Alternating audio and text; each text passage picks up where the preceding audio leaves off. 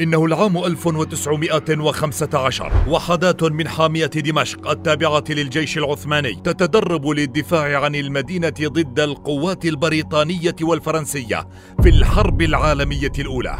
تلك الحرب التي دفع العثمانيون سلطانهم ثمنا لقرار الدخول فيها.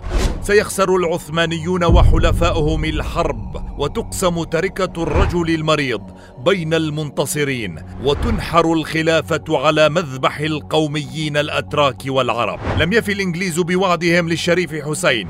في جعل الخلافة في العرب بدل الأتراك ودخل المسلمون على إثر ذلك في أكثر فترات تاريخهم حلكة وقهرا وظلما واضطهادا.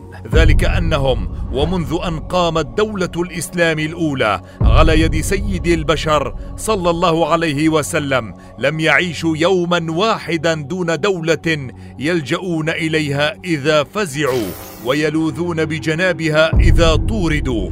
ويستنجدونها إذا ما أحاط بهم خطب أو عدو. الظلام يخيم على أرض النور.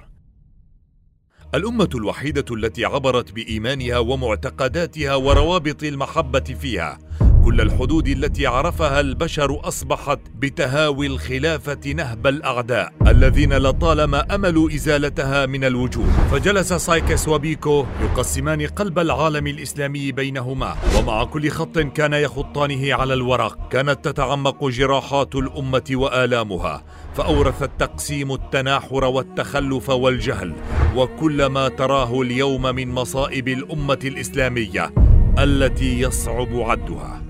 وبالطبع كانت هناك محاولات حثيثة لتدارك الموقف واستعادة الخلافة منذ اللحظة الأولى التي انهارت فيها لكنها ومع الأسف كانت كلها محاولات فاشلة افتقدت لأهم عنصر من عناصر النجاح وهو القوة والمنعه فبدأ ببرنامج الوحدة الإسلامية الذي أطلقه السلطان عبد الحميد الثاني لحماية الدولة العثمانية من التقسيم وإلغاء المعارضة الديمقراطية. ثم نشر آخر الخلفاء العثمانيين والمجرد من كل سلطة عبد الحميد أفندي من منفاه في سويسرا بيانا عبر وكالات الأنباء في الحادي عشر من آذار عام 1924 دعا المسلمين فيه إلى عقد مؤتمر لتدارك الموقف قبل أن تلزمه الحكومة السويسرية بالتراجع عنه كونه حصل على تصريح الإقامة على أراضيها بشرط ألا يشارك في الدعاية السياسية. وغيرها العشرات من المحاولات سلكت فيها النخب الإسلامية شتى الطرق والوسائل لكنها عجزت عن تأمين بقعة واحدة من الأرض يأمن فيها المسلمون على أنفسهم وأرواحهم في ظل حكم إسلامي سني لا بدعي ليستمر الحال على ما هو عليه لقرن من الزمن. انفراجة في جدار اليأس. هذا النضال المستمر لقرن من الزمن. كان لابد له من أن يثمر في مكان ما على امتداد الجغرافيا الإسلامية وعلى الرغم من الحروب الطويلة التي شنت على حرية الشعب الأفغاني وإرادته وقراره.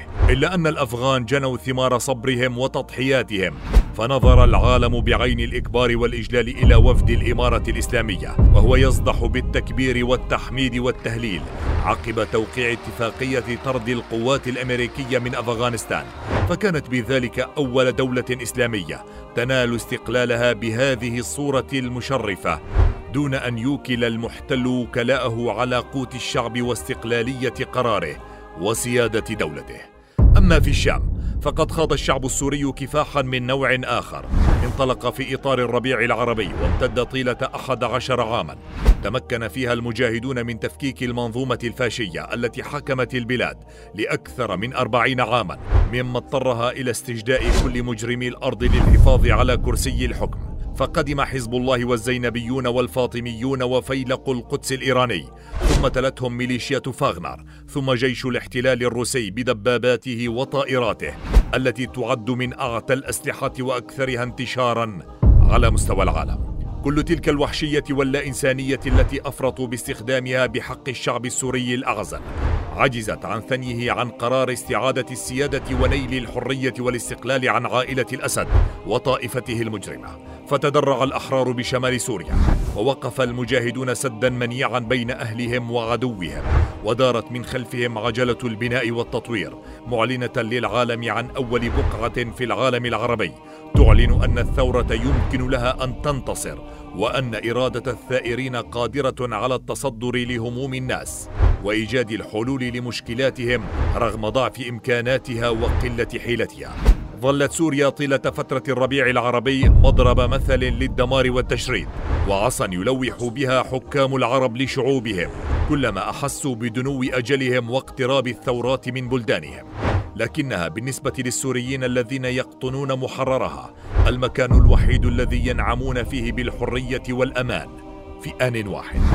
إن الثورة السورية ما هي إلا امتداد طبيعي لسعي الأمة الإسلامية إلى نيل كرامتها واستعادة حقها الطبيعي بقيادة نفسها واستقلالية قرارها والمنطقة المحررة التي نعيش بها اليوم ما هي إلا أحد أشكال الحرية التي لطالما حلمنا بها طيلة سنوات الاستبداد فهي القاعدة التي سينطلق منها الثائرون لتحرير بقية سوريا وطرد المحتلين وهي وإن بدت ضيقة المساحة فقيرة الموارد إلا أنها خير من أوطان شاسعة لا تأمن فيها على نفسك وبحور من النفط والثروات لا تترك لك السلطة منها.